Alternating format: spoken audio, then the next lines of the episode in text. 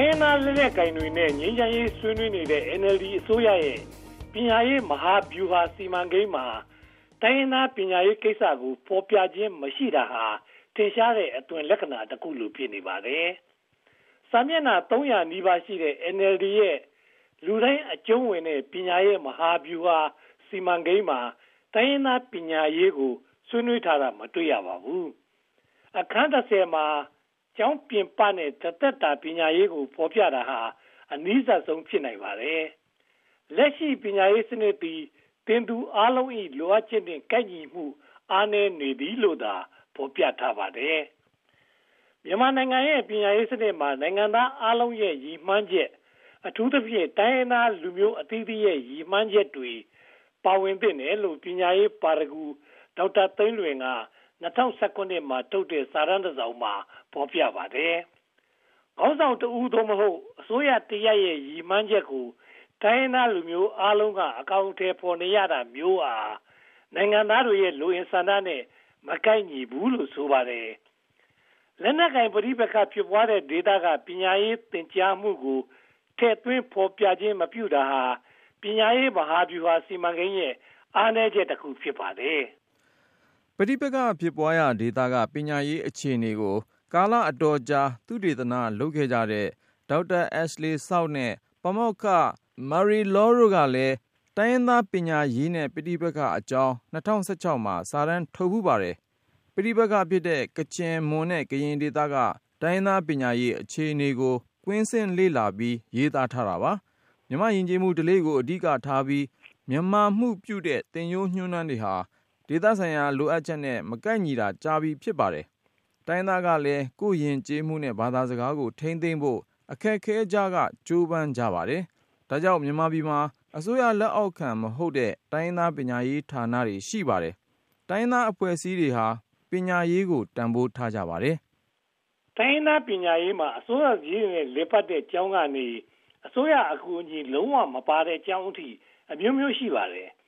အစိုးရကအသုံးစရိတ်ပေးတဲ့ကျောင်းမှာဆရာနဲ့သင်ရိုးကိုအယက်သားအဖွဲ့ကထောက်ပံ့တာမျိုးရှိပါတယ်။တိုင်းရင်းသားလက်နက်ကိုင်ကြီးစိုးတဲ့ဒေသကအစိုးရကျောင်းကိုအယက်သားနဲ့တိုင်းရင်းသားအဖွဲ့တွေကပံ့ပိုးကူညီတာမျိုးလည်းရှိပါတယ်။အစိုးရနဲ့တိုင်းရင်းသားလက်နက်ကိုင်တွဲလုပ်တဲ့ရောနှောကျောင်းမျိုးဖြစ်ပါတယ်။တိုင်းရင်းသားလက်နက်ကိုင်အုပ်ချုပ်ပေမဲ့အစိုးရသင်ရိုးညွှန်တမ်းကိုသုံးတဲ့ကျောင်းတွေကချင်နဲ့မွန်ပြည်နယ်မှာရှိပါတယ်။ဒီကျောင်းကိုပြီးတဲ့သူတွေဟာ နောက်ပိုင်းမှာ စာမေးပွဲဝင်ပြီး အစိုးရကျောင်းကို ပြောင်းနိုင်ပါတယ်။တိုင်းသားလက်နက်ကိုင်နဲ့ရပ်ပက်တွေ ဖွဲ့ထားတဲ့ ကျောင်းတွေကိုတော့ အစိုးရကအတိအမှမပြုပါဘူး။အရပ်ဘက်အဖွဲ့အစည်းကဖွင့်တဲ့ တိုင်းသားကျောင်းတွေဟာ တိုင်းသားဘာသာစကားသုံးတဲ့ သင်ညိုးညွှန်းတမ်းနဲ့တီးခြားသင်ကြားနည်းကို သုံးပါတယ်။ဒီကျောင်းမျိုးကို အစိုးရကအတိအမှမပြုလို့ ကျောင်းမပြောင်းနိုင်ပါဘူး။နိုင်ငံခြားသင်ရိုး အသုံးပြုတဲ့ကျောင်းမျိုး ကချင်နဲ့ ကရင်ပြည်နယ်မှာ ရှိပါတယ်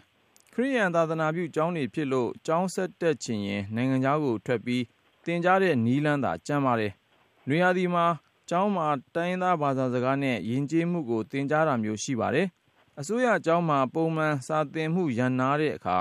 သင်ကြားတဲ့ နွေရာသီသင်တန်းဖြစ်ပြီး အရပ်သားနဲ့ ဘာသာရေးအဖွဲ့အစည်းတွေက ထောက်ပံ့ပါတယ်။လက်နက်ကိုင်ပဋိပက္ခနဲ့ ငြိမ်းချမ်းရေး အခြေအနေကိုလိုက်ပြီး တိုင်းရင်းသားပညာရေး ပြောင်းလဲနေတယ်လို့ ဆိုပါတယ်။ အစိုးရတပ်နဲ့ ပဋိပက္ခပြင်းထန်တဲ့ဒေသတွေမှာ တိုင်းရင်းသားမိဘဟာ သားသမီးကို အစိုးရအကြောင်းမှာ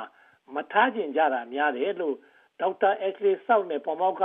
မာရီလောတို့က ဆိုပါတယ် ပဋိပက္ခပြင်းထန်လေလေပြီးကြရက်တီလိုစိတ်များလေလေ ဖြစ်လာတယ်လို့ ဆိုပါတယ်ငင်းကြတဲ့ကာလမှာသာ မြန်မာနဲ့ ရောနှောလိုစိတ် ရှိကြပုံရပါတယ်